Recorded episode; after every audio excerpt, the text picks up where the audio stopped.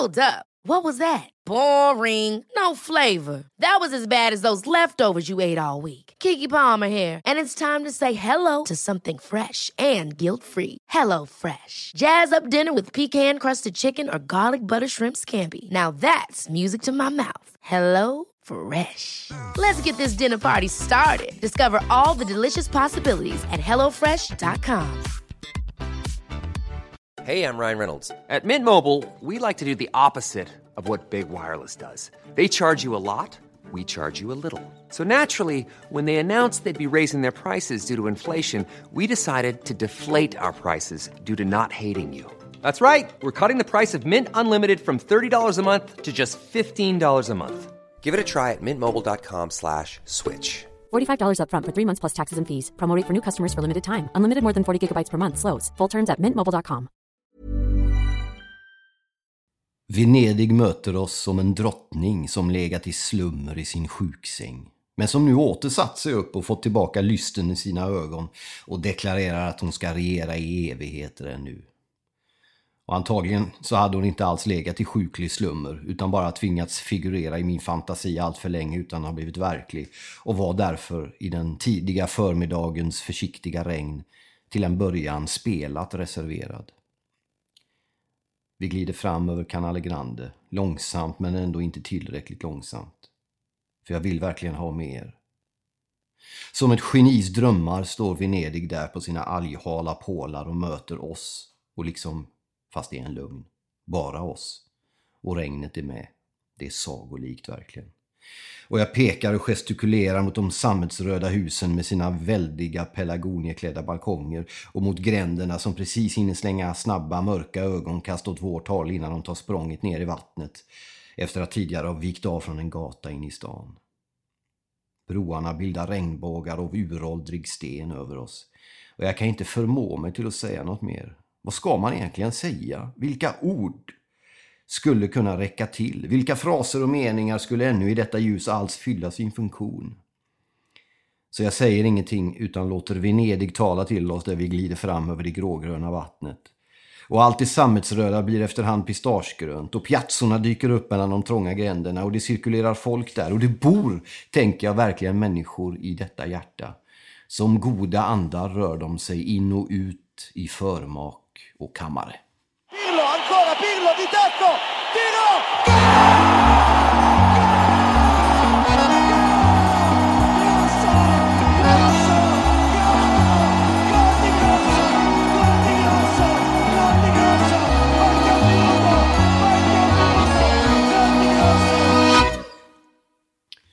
Ja, välkomna ska ni vara då till podcasten Litteraturhörnan med Marcus Birro. Eh, nej, det är det ju inte, men det var nära på. Detta är Calcio Amore ni lyssnar på. Jag la undan läsglasögonen. Har hällt upp med en kopp kaffe i min romamugg och gör mig klar för en episod som kommer att handla just om Venedig. Det jag läste var ju på ett självcentrerat sätt min egen text ur en roman som jag skrev och gav ut för nästan 20 år sedan nu, 1999 Eh, när jag var ung och eh, förstörd. Alla djävulska främlingar heter romanen för er som har lust att läsa den vid något tillfälle. Fin, sålt, slut, flera upplagor. Rekommenderas varmt, men det är en stor del av romanen utspelas just i Venedig. Och det är ju det som är fokus denna vecka eh, på sändningen, nämligen just staden Venedig, delvis också fotbollslaget Venezia som ju har en eh, mer eller mindre hysterisk eh, historia, bakgrund och, och lite allt möjligt sånt där. Eh, så är det med den saken. Eh, Venedig kan man ju tycka och tänka en massa om. Jag vet att det är en stad som, det är ju flera miljoner människor runt hela världen som kommer dit. Det är en av världens i särklass eh, populäraste turistmål att resa till. Och det är det ju av många olika anledningar och det här är ju inte helt okomplicerat naturligtvis. Men om vi tar den biten först så kan man väl säga om Venedig så att det är ju en, en helt unik stad. Det är en stad som de av någon anledning beslutade sig för att bygga på vatten. Det är så nära en, alltså så nära en stad från sagorna man kan komma. För om någon skulle säga så här till dig, väcka dig mitt i natten och säga du, det finns en stad där det, där det finns hus eh, gjorda av guld som är byggda direkt på vatten. Och istället för gator och bilar och bussar och skit och mopeder och trångt och jävligt så finns det breda, stora avenyer av vatten, kanaler där du kan glida fram i en båt längs vattenlinjen och titta på de här husen som skjuter upp som är gjorda av guld runt omkring dig. Skulle du tro på det då? Eller att människor byggde stora, anrika, makalösa kyrkor direkt på pålar nedsänkta i vatten. Skulle du tro på det då? Så att allt det där är ju någonting helt unikt med Venedig och det drar ju naturligtvis fruktansvärt mycket folk och det är väldigt mycket folk som kommer dit och som aldrig liksom... Nu knackar det, måste vi se vem det är som knackar bara. Hej hej! Det är Milo Birro som kommer in. Hej, hej! Som kommer in i sin Venezia-tröja. Ja. Ska jag fortsätta spela in? Mm, Okej. Ja, tack så mycket. Ehm, och grejen är ju med Venedig att eh, det är ju en fantastiskt vacker stad. Det är ju en stor turiststad så det är trångt, varmt, svettigt, mycket busslaster som kommer och stannar i Mestre. och sen står de någon puttrig båt över och sånt där. Problemet med detta är ju naturligtvis att många, de flesta nästan som kommer dit, eller flesta ska jag inte säga, jag vet ju inte, jag har ingen statistik på det, men jag tror att många som kommer till Venedig med ambitionen att se den här sagostaden blir besvikna. Det är varmt, det är trångt. De skeppas runt, fort upp på Rialto och finns det plats att ta en bild så gör man det. Ibland gör det inte ens det för det är så mycket folk. Och så ner till Piazza San Marco för att ta en bild där. Och så några duvor man ska mata och sen ska man iväg igen. Och då hinner man inte uppleva någonting av det som är vare sig det unika, vackra, sköna, ens turistiska med Venedig. Men man hinner inte se det riktiga Venedig som alltid ligger en liten bit längre bort. Så är det ju alltid. Allt av värde ligger alltid en liten bit längre bort. Och det gäller i högsta grad när det gäller Venedig också. Ehm, jag var där första gången som väldigt liten. Jag har fått berättat, och det här blir ju något detaljerat möjligen, men av mina föräldrar att jag antagligen är skapad och gjord i Venedig. Bara en sån sak, den är ju rätt obehaglig att fundera på allt för länge. Men så tydligen är det och det kan ju då spela en viss roll. Sen har jag varit där med eh, osedvanligt jämna mellanrum genom åren och alltid upptäckt nya saker. Alltid trivts väldigt bra, alltid njutit av skönheten. Den oerhörda skönheten. Det är någon sorts maxnivå, en Cristiano Ronaldo säsong ut säsong in-känsla på, på Venedig om ni fattar. Det är liksom så bra mänskligheten kan bli. Lite så får man känslan när man är. Man blir otroligt ödmjuk i Venedig. Om man tillbringar lite tid där och inte bara slussas runt under två timmar i något turistgetto. Så blir man liksom förundrad och, och fascinerad och oerhört eh, ja, rörd skulle jag vilja säga eh, av, över och för att det finns så mycket otroligt stark inneboende kraft i mänskligheten att man kan skapa en sån här plats på jorden. Och att de gjorde det liksom för 5, 6, 700 och 1000 år sedan. Det finns två statyer som står eh, en bit bort från Markusplatsen mot kanalen ner som har stått där i över tusen år. Och när man får det perspektivet på saker så blir liksom eh, Annie Lööf ganska oviktig. Ah. Så jag har varit där med jämna mellanrum. Jag har varit där som ung, jag har varit där som eh, något äldre, jag har varit där som eh, medelålder. Och, ja, jag, har- jag har alltid trivts väldigt bra där. Och, och har eh, bott på fyra femstjärniga hotell under den tiden av mitt liv. Jag har bott raglat in kanonpackad på en enstjärnig Albergo Alex. som det hette. Eh, under tiden när jag inte hade några pengar och levde på författarstipendium och åkte runt och låg i gränder och, och hade basker och söp och skrev dikter och hela den här konstnärsmyten. Eh, Men jag vet människor som har varit i Venedig och som tycker att det är en eh, stökig stad. En varm stad, en smutsig stad och allt sånt där och att det är dyrt. Då kan man säga så här, när det gäller dyrt, är det, för det är det ju om man sätter sig på marknadsplatsen och ska ta en kaffe som Marcel Proust gjorde, då får man ju betala nästan en hundra spänn för en kaffe, så är det ju. Eh, Men grejen med Italien och barer och utserveringar av alla de slag är att det finns lag på att man måste ha prislistor ute så att ingen ska bli lurad. Så blir man lurad så är man antagligen jättefull eller väldigt dum helt enkelt. Därför att det står priser uppsatta och det står då fuori om man sitter i Altavolo eller om man går fram Al Banco. Som jag kan rekommendera allmänt när det gäller Italien för övrigt att om man vill ha in en kaffe bara snabbt så kan man fram till bardisken, köper man ett kvitto innan eller man betalar sin kaffe får ett kvitto så går man och tar en kaffe vid baren så kostar den hälften så mycket som om man sätter sig vid ett bord. Och dessutom så står priserna då. Eh, uh, Albanco om man står upp och dricker den eller Tavolo och bord om man sitter och dricker den så är det olika priser. Då står de på, de har, det finns lagar på att de måste ha de priserna uppsatta bara så ni vet den grejen. Men jag vet människor som har varit i Venedig. Jag vet till och med människor som har varit i Venedig en gång och tyckt att det var fint och sen säger att Nej, men jag har redan varit där så jag behöver inte åka dit. Och då har man liksom inte hajat någonting om vad Venedig handlar om. Därför att Venedig handlar om ett språk som är skönhetens språk som Venedig talar till dig. Det är, ett, det är en... Eh, det är... Man måste... Man måste vara lyhörd för den, eh, den tonen som en stad som Venedig talar till en. Och det får man bara om man tillbringar lite tid, om man orkar ta sig bort från de här värsta platserna på, i stan. Och om man eh, går vilse med flit, som var ett uttryck som jag använde lite för mycket för en tio år sedan. Men det är ett bra uttryck i den här meningen. Det är, liksom, det är en liten behändig stad, det finns inga bilar, det finns inga sådana grejer. Det är mycket, mycket turister och det är båtar och det är framförallt något som jag vet att de boende där har retat sig med all rätt fruktansvärt mycket på. Det är de här gigantiska jävla kryssningsfartygen som ska dundra in på någon jävla kanal, stor som en sked vatten. Där ska de in de största amerikanska jävla, du vet, superskeppen och sånt där. Och det förstör ju både miljö och massa annat och sånt där. Och ibland så slår det till med lite sån här aqua alta, det vill säga vattnet stiger så folk står i gummistövlar och träplankor runt om och sådär. Det är en stökig stad att leva i, den sjunker dessutom. Eh, det har pratats lite grann under åren om att man skulle bygga något som heter Moses portar, tror jag det var. Det var Berlusconi när han styrde Italien var väl på väg att bli det. Men som alltid när det är Italien så pratas det och sen händer ingenting. Och sen händer ingenting och sen har det gått hundra år. Men då var det i alla fall planen på att man skulle... Moses portar, det var något sånt här miljarddollarprojekt typ. Man skulle alltså bygga någon form av underjordiska slussdörrar som gjorde att vattnet inte skulle strömma in på ett sånt obehagligt sätt som det kan göra vid, när det är regn och stormar och sånt där. Och framförallt att man skulle stoppa övergödningen och det döda, att man skulle få liksom mer levande vatten runt stan och runt området där. Det är mycket... Runt Venedig så finns det ju andra typer av städer som är väldigt... Eh, det är ju norra Italien, det är ju regionen Veneto, så det är den mest expanderade, det är den rikaste mest eh, vad ska vi säga, industriella delen av Italien och därmed av hela Europa. För Italien är en utav, och i världen. Italien är en av sju ledande industriländer i världen.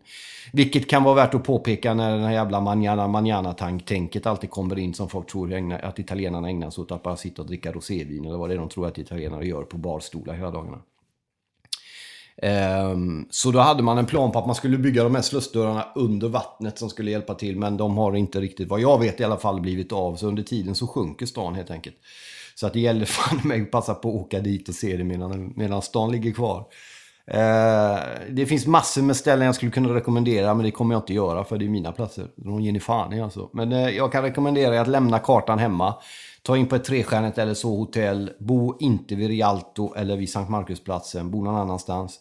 Ägna lite tid åt att hitta de små torgen, eh, gränderna som turisterna missar. För då blir det plötsligt, det räcker att du viker av om du vet vart du ska vika av. Eller kanske ännu bättre om du inte vet var du ska vika av, för då är det större chans att du viker av där. Än att du följer de här snitslade jävla banorna. Ska man bli någonting i den här världen så ska man inte följa de snitslade banorna. Man ska skapa sig en egen bana. Fattar du vad jag säger till dig eller? Eh, men då kan man ta sig lite tid och så kan man gå och upptäcka det riktiga Venedig. Och det ligger ju, vad det jag skulle säga, det, det ligger liksom väldigt nära de här typen av turistställena och ställ, torgen och gränderna och gatorna som alla är på. Så man kan höra sorlet från San Marcusplatsen och ändå befinna sig liksom i en helt annan lugn stad under ett träd vid en bänk alldeles vid ett vatten. En liten sån flodrännil som kommer, en liten kanal där med en liten bro och ett litet fönster och en, ett litet bord och något glas med något man vill dricka och sånt där. Det är, ja, fan, det är fantastiskt på alla de sätt och vis alltså. Så eh, det finns många fantastiska ställen att besöka i Italien. Venedig är sannerligen en sån stad som ni måste besöka. Men innan ni gör det så hör av er till mig. Om det är så att ni har planer på att åka till Venedig, mejla mig innan. Fattar du eller? Eller på Facebook. Jag har mejl markusmuseet.biro.hotmail.com. Mejla mig så ska jag tala om vad ni ska göra i Venedig och vad ni inte ska göra så att det blir rätt. Fattar du eller? De har ju ett fotbollslag också då, Venedig. Eh, som har bytt namnen 300 gånger ungefär. Eh, det bildades som Venezia FBC, eh, fullständigt Football, Paul, Football Club Union Venezia. Va? Eh, 1907 eh, bildades man som förening och sen så bytte man namn 1919 första gången till AC Venezia. Den gillar man ju. Sen är det på, och den körde man fram till 30.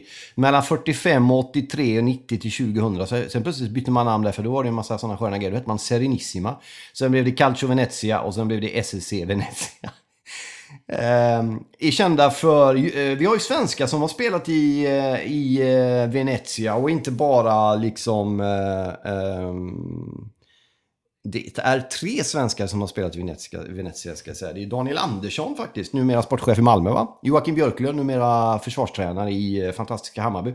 Valentino, Valentino Lai har spelat. Sen har vi också haft Alvaro Recoba, ni kommer ihåg han gamla intergubben där har ju lirat runt lite grann i, i Venezia. Och även då allas vår Christian Bobo Vieri va? Bobo Vieri har spelat i Venezia, jag var tvungen att nämna den grejen. Alltså. De är också kända för att de har haft Samparini, en av de galnaste jävla presidenterna som någonsin skådats i världshistorien, som eh, ägare där. Man har åkt lite jojo då och det har att göra med väldigt mycket ekonomiska förehavanden som har varit väldigt trassliga, för att uttrycka det extremt milt. Eh, man har en ordförande, en, eh, ungefär som Roma, en amerikansk italienare som ser ut som en amerikansk italienare om ni fattar vad jag menar. Han ser ut som en maffiagubbe helt enkelt, det gillar man ju. Det är Joe eh, Tacopina, bara den grejen. Joe Tacopina. Eh, som kör den grejen. ja, ah, det är ju fantastiskt på alla sätt och vis alltså. Hey, I'm Ryan Reynolds. Recently, I asked Mint Mobile's legal team if big wireless companies are allowed to raise prices due to inflation. They said yes. And then when I asked if raising prices technically violates those onerous two-year contracts, they said, "What the f*** are you talking about? You insane Hollywood ass." So to recap, we're cutting the price of Mint Unlimited from $30 a month to just $15 a month. Give it a try at mintmobile.com slash switch. $45 upfront for three months plus taxes and fees. Promo rate for new customers for limited time. Unlimited more than 40 gigabytes per month. Slows. Full terms at mintmobile.com. Hi, I'm Daniel, founder of Pretty Litter. Cats and cat owners deserve better than any old-fashioned litter. That's why I teamed up with scientists and veterinarians to create Pretty Litter. Its innovative crystal formula has superior odor control and weighs up to 80% less than clay litter. Pretty Litter even monitors health by changing colors to help detect early signs of potential illness. It's the world's smartest kitty litter. Go to prettylitter.com and use code ACAST for 20% off your first order and a free cat toy. Terms and conditions apply. See site for details. Many of us have those stubborn pounds that seem impossible to lose, no matter how good we eat or how hard we work out. My solution is PlushCare. PlushCare is a leading telehealth provider with doctors who are there for you day and night to partner with you in your weight loss journey. They can prescribe FDA-approved weight loss medications like Wagovi and Zepbound for those who qualify. Plus, they accept most insurance plans. To get started, visit plushcare.com slash weight loss. That's plushcare.com slash weight loss. Men eh, när jag var i en annan podd som heter Studio Allsvenskan och Och eh, då hade vi eh, Jocke Björklund där. Och eh, han pratade ju väldigt mycket Allsvenskan såklart, men han pratade även lite grann eh, eh, om, om sin tid i Venezia. Och då kom han in på en intressant sak som Eh, som som är, är någonting inte kännetecknande för den här klubben. Han hade det jättefint där. Han var där under Cesare Prandelli har ju faktiskt tränat Venezia också. Och det var under den tiden Joakim Björklund var där. Det var dock stökigt. De har, alltså det är ju en stökig förening med mycket ekonomiska, eh, eh vad ska man säga, ekonomiskt strul kan man säga. Sen har man en arena då va, och det här är ju också skönt. Den heter ju då eh, Stadio Pierluigi Penso. Den ligger i Venedig, den ligger längst ut bort, väldigt långt bort från eh, från eh, eh, centrum, eller vad man ska säga, själva stan Venedig. Nu måste vi komma ihåg, stan Venedig är ju som ett museum. Alltså, efter klockan tio så är det helt dött i Venedig. Bara eh, halvpackade slänter om man nu... Och så en annan grej, var nykter när du är i Venedig. Fattar du eller? Var nykter bara. Det behövs ingen sprit eller vin. Möjligtvis ett glas vin till maten och någon aperitivo innan eller efter kaffet. Men gå ragla inte runt i gränderna i Venedig. Du smutsar ner upplevelsen. Fattar du eller? Oh God. Eh, men alltså grejen är ju så här att det finns väldigt få människor som bor kvar i Venedig, alltså regelrätta invånare. De finns och de är väl ett eh, tusental eller tiotusental och sånt där. Men de är ju väldigt mycket färre än vad de har varit. Turisterna har liksom arbetat bort dem det är en turistattraktion, det är ett museum. De flesta som jobbar där, de åker därifrån på kvällen och då går liksom sista kommunikationen därifrån till Mäster och över till fastlandet så att säga. De går vid en viss tid. Så att det är väldigt få av de som jobbar och håller Venedig vid liv under dagarna som bor där, utan de bor bit utanför stan. Men arenan ligger ändå i, samtidigt som fansen till Venezia inte heller bor inne i Venedig, utan de bor ofta i Mestre som är ett sånt industriklassig eh, sån arbetarklassställe kan man säga. Ganska ful stad, eh, hård stad, industristad och sånt där. Och där har de då sin fanbase då kan man säga, Venezia. När det gäller de som har skrivit skönast om Venedig så är det ju många. Thomas Mann har skrivit en roman som heter Döden i Venedig som jag tycker ni ska läsa. En tunn liten bok för er som tycker det är jobbigt med böcker. Otroligt vacker bok. Eh, Ulf Lundell skrev ju en, en, låt som heter Rialto från 85 om Hotell Danieli där, om att bädda en säng och aldrig släppa drömmen och ta ett regnigt tåg ihop med den man älskar fast man just har träffat henne. Åka till Venedig och ta in på ett dyrt hotell och sova där. Ja, det är en fantastisk jävla sång alltså. Werner Aspenström har också skrivit fina dikter om Venedig. Eh, Marcel Proust, eh, fransk författare, har skrivit oändligt mycket om Venedig. Ehm, så det är en stad som är besjungen för sin skönhet på alla möjliga sätt i litteratur, i musik och i konst. Och ta det för fan på allvar. Slarva inte bort den skiten och säg att ah, men det där är för svårt eller för tungt eller för konstigt. Utan låt dem som har beskrivit Venedig så fint de kan för er att locka er istället att åka dit. Hur som helst, arenan var vi inne på. Ehm, då är det ju så att den ligger som den ligger och den tar bara drygt 7000 tror jag. Och de har försökt bygga ut den där under 100 år och de får nej av kommunen överallt för det går inte att göra någonting i den där stan. Så frågan är hur de ska göra där och eftersom ingen vet hur de ska göra i Italien så händer ingenting som vanligt. Så att den ligger liksom där den ligger och det är problematiskt att ta sig dit. Det är problematiskt för motståndarna att komma dit. Det är problematiskt för de egna spelarna att vara där. Nu ligger man återigen, ska jag säga, Venezia i Serie B. Efter att ha traskat runt i lite andra divisioner. Och man ligger väl på 13 plats tror jag det är där. Så det går ju hyfsat bra. Tog poäng mot Fabio Grossos Verona för inte så länge sedan här också. Eh, och det är, ett lag, menar, det är ett lag som väcker en viss typ, en, en, en annorlunda typ av nyfikenhet kan man säga. Eh, men man har varit väldigt dålig på att kommersialisera det här kring, tänket kring fotboll eftersom turismen bara äger stan på det otroliga sätt man gör. Man har tittat lite grann på USA, hur de har gjort. Eh, det finns något som heter eh, Las Vegas Golden Knights Hockey Team, det här hockeylaget där som har gjort det på ett visst sätt. Och de har kollat på det, men de har liksom inte riktigt fått ordning på det än. Ehm, man har ju haft också Filippo Inzaghi som tränare, det var ju bara för något år sedan i början av året tror jag det var. Eh, och han har då lovat att de ska ta Venezia till Serie A. Han har lovat dem att de ska komma ut i Europa och massa sånt där. Nu ligger man på 13 plats i Serie B och det kommer ju naturligtvis dröja ett tag då. Men det finns ambitioner, det finns planer. Man har ju en spännande historik som är både liksom eh, krumbuktlig och eh, komplicerad och, och svår och förvirrad och, och lite sånt där. Men det finns, det finns ju möjligheter där. Man har även haft tidigare tränare som Luciano Spalletti eh, som har tränat dem, eh, som, nu, som ni säkert nu vet då är i Inter. Och sen så finns det ju eh, man har dessutom då vunnit kop, eh, italienska kuppen ett år, nämligen 1940-41 och då var det ju andra världskriget där. Nu ska vi ta lite vatten här bara. Nej, det stör aldrig. Framförallt inte när du har Venezia-tröja på dig. Ska säga det, en av puffbilderna är ju min son i Venezia-tröja. Det gillar man ju. Tack så mycket. Ses snart. Ehm, så, och dessutom har man ju då de klassiska tröjorna som man är inne på. Brandgult, svart, grönt. Många tycker det är en hiskelig färgkombination. Jag tycker den är rätt snygg. Påminner något för mycket om Gais möjligen. Men... Ehm, Eh, det finns ju ambitioner. Man har vunnit som sagt Coppa Italia under kriget. Man har vunnit Serie B, man har vunnit Serie C. Sam samtidigt som man, den största bedriften man har är ju att man då har legat i Serie B mest. 33 säsonger har man legat, eh, vilket är flest säsonger i näst högsta ligan. Samtidigt som man då har gjort 13 säsonger i Serie också, ska jag säga. Senaste gången var, tror jag, 2001-2002. Va? Så det börjar bli dags igen. Men man är ju då på väg upp trots allt. Och det är det som är kul tycker jag med det här jävla laget. Det är ett lag mot alla odds. Det är ett lag som ses ner på delvis i Italien. Det snackas mycket om det jävla laget i Venedig, vad är det liksom? Och många har konstiga uppfattningar om Venedig i Italien, staden som sådan. Varför ska de ha ett fotbollslag? Det är bara kaos.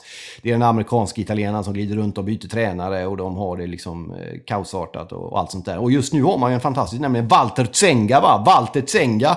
Som var med och spelade Italien, VM för Italien 1990. Fantastiskt. Även varit i, om det är Rumänien tror jag som tränare va? Interikon om inte annat. Var med och vann eh, ligan 89. Det tror jag är ett fint anrik gammal Interupplaga som leder denna, denna Venezia nu då. Så eh, det båda ju i sig delvis lite gott kan jag tycka. Jag älskar ju Walter Senga. Alltså, herregud. Det finns ingen människa som har tuggat tuggummi på ett så otroligt överlägset sätt som Walter Senga.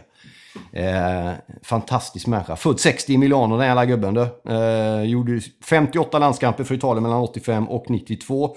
Spelade ju då bland annat EM 88 och eh, VM 90 och där var han ju fantastiskt jävla bra på alla sätt och vis. Alltså.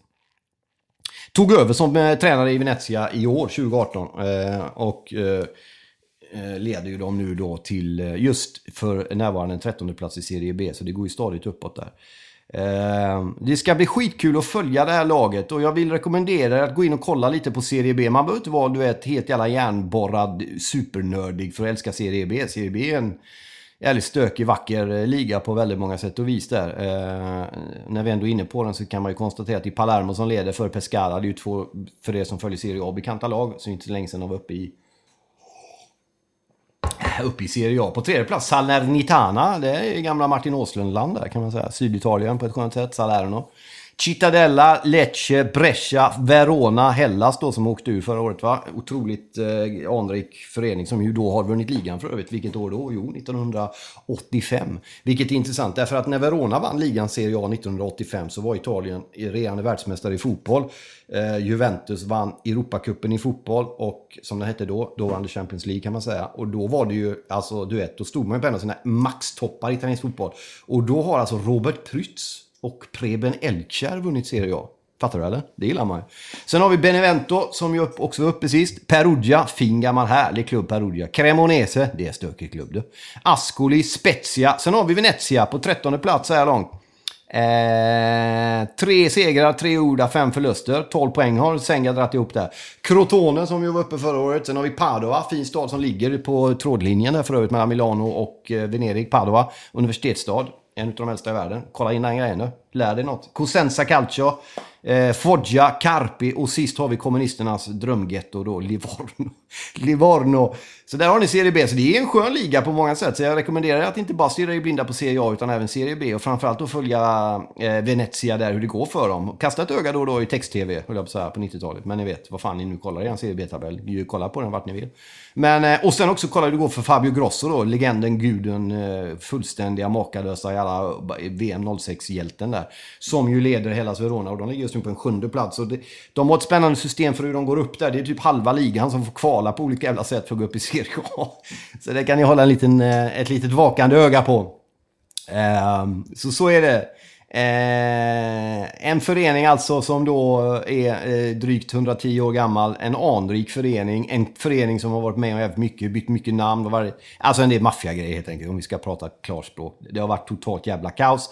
Man har bytt namn, men man har kommit tillbaks hela tiden. Och det är det här som är så intressant med både den här stan och den här klubben och med den andan som finns i den här delen av Italien. Det finns mycket man kan säga om rasism och skit när det gäller Norditalien och så. Men de har ett driv, de har en övertygelse, de har att ingenting är omöjligt och blir blir det omöjligt så fan, då gör vi det möjligt igen.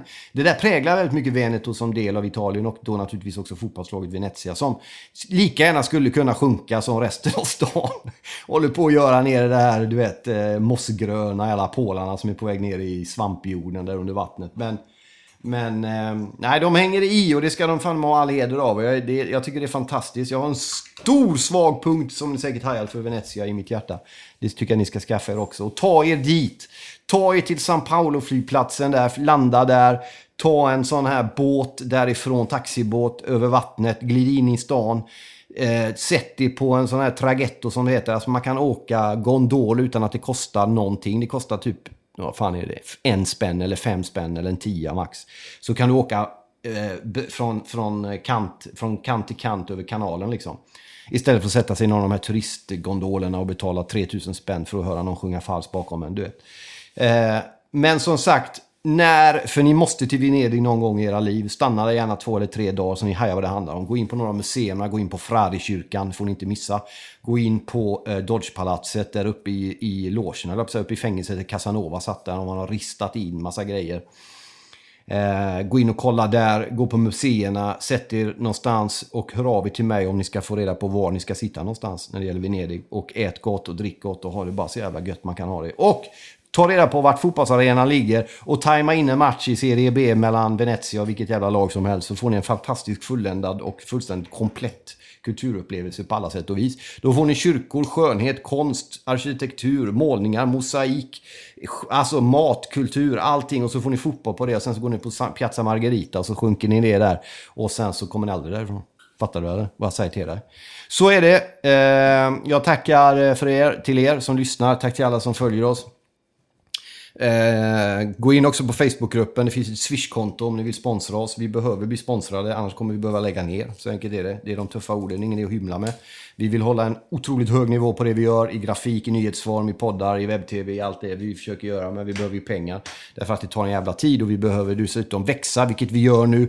Vi har flera stycken nya fantastiska skribenter som kommit in. Jag lyfter på alla jävla hattar jag haft hela mitt liv för er. Tack så jättemycket för att ni är med och bygger eh, den här sidan, alla ni som skriver. Och framförallt tack till alla er som läser det vi skriver och följer oss och bygger oss och är med och gör det här tillsammans med oss. Vill ni vara med och göra det mer praktiskt genom att sköta Instagramkonto, Twitternyheter och lite sånt där. Vi har ju ett Twitterkonto där vi dunkar ut nyheter varje dag i grafisk, otroligt exemplarisk form. Vi finns på Facebook där vi också gör samma sak, levererar nyheter och har webb-tv och poddar och puffar och bilder och grafik. Och vi har ett Instagramkonto och vi har den här podden och vi har Calcio Amore webb-tv som vi kör eh, på webben varje söndag klockan 20. Så vill ni vara med och hjälpa så kan ni också mejla marcus.biro.hotmail.com. Jag tackar Oddsbaren, tackar Slussens trafikskola som krigar på genom att försöka hjälpa mig att ta körkort. Eh, tack till Betfair som låter oss göra det här. Eh, tack till Anton Avenäs som sköter teknik. Tack till Patrik Dutti. Tack till alla skribenterna. Ni vet vilka ni är. Stort jävla tack för att ni finns och gör det här. Och så hörs och ses vi om ett tag igen. Tack så jättemycket så länge och eh, arrivederci.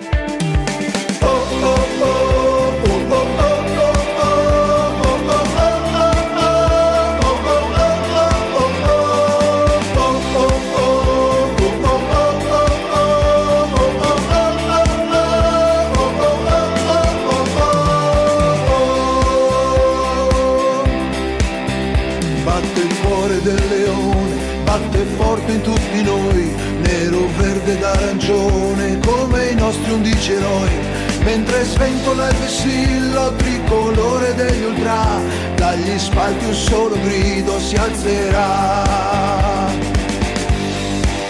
Forza Leoni, la storia è stata scritta ma non tutta, c'è ancora tanta gloria che ci aspetta, arancio, nero, verdi, superstar.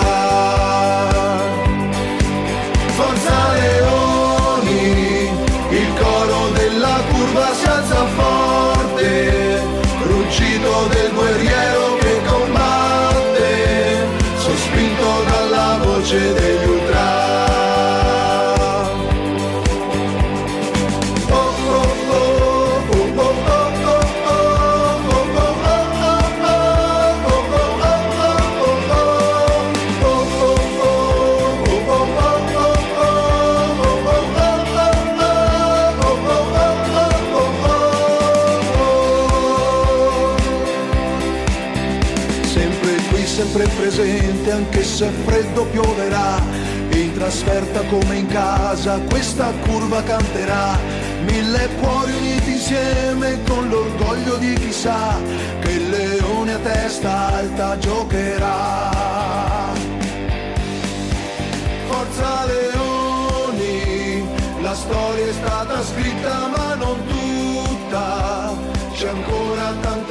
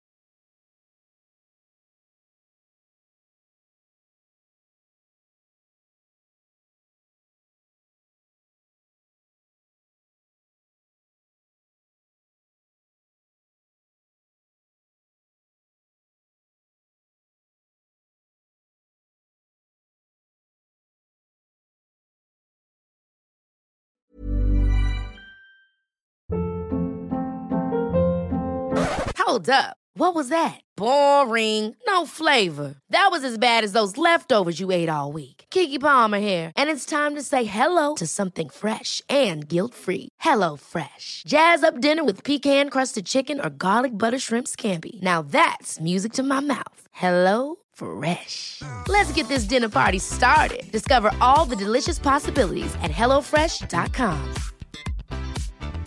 Planning for your next trip? Elevate your travel style with Quince. Quince has all the jet setting essentials you'll want for your next getaway, like European linen, premium luggage options, buttery soft Italian leather bags, and so much more. And is all priced at 50 to 80% less than similar brands. Plus, Quince only works with factories that use safe and ethical manufacturing practices. Pack your bags with high-quality essentials you'll be wearing for vacations to come with Quince. Go to quince.com/pack for free shipping and 365-day returns.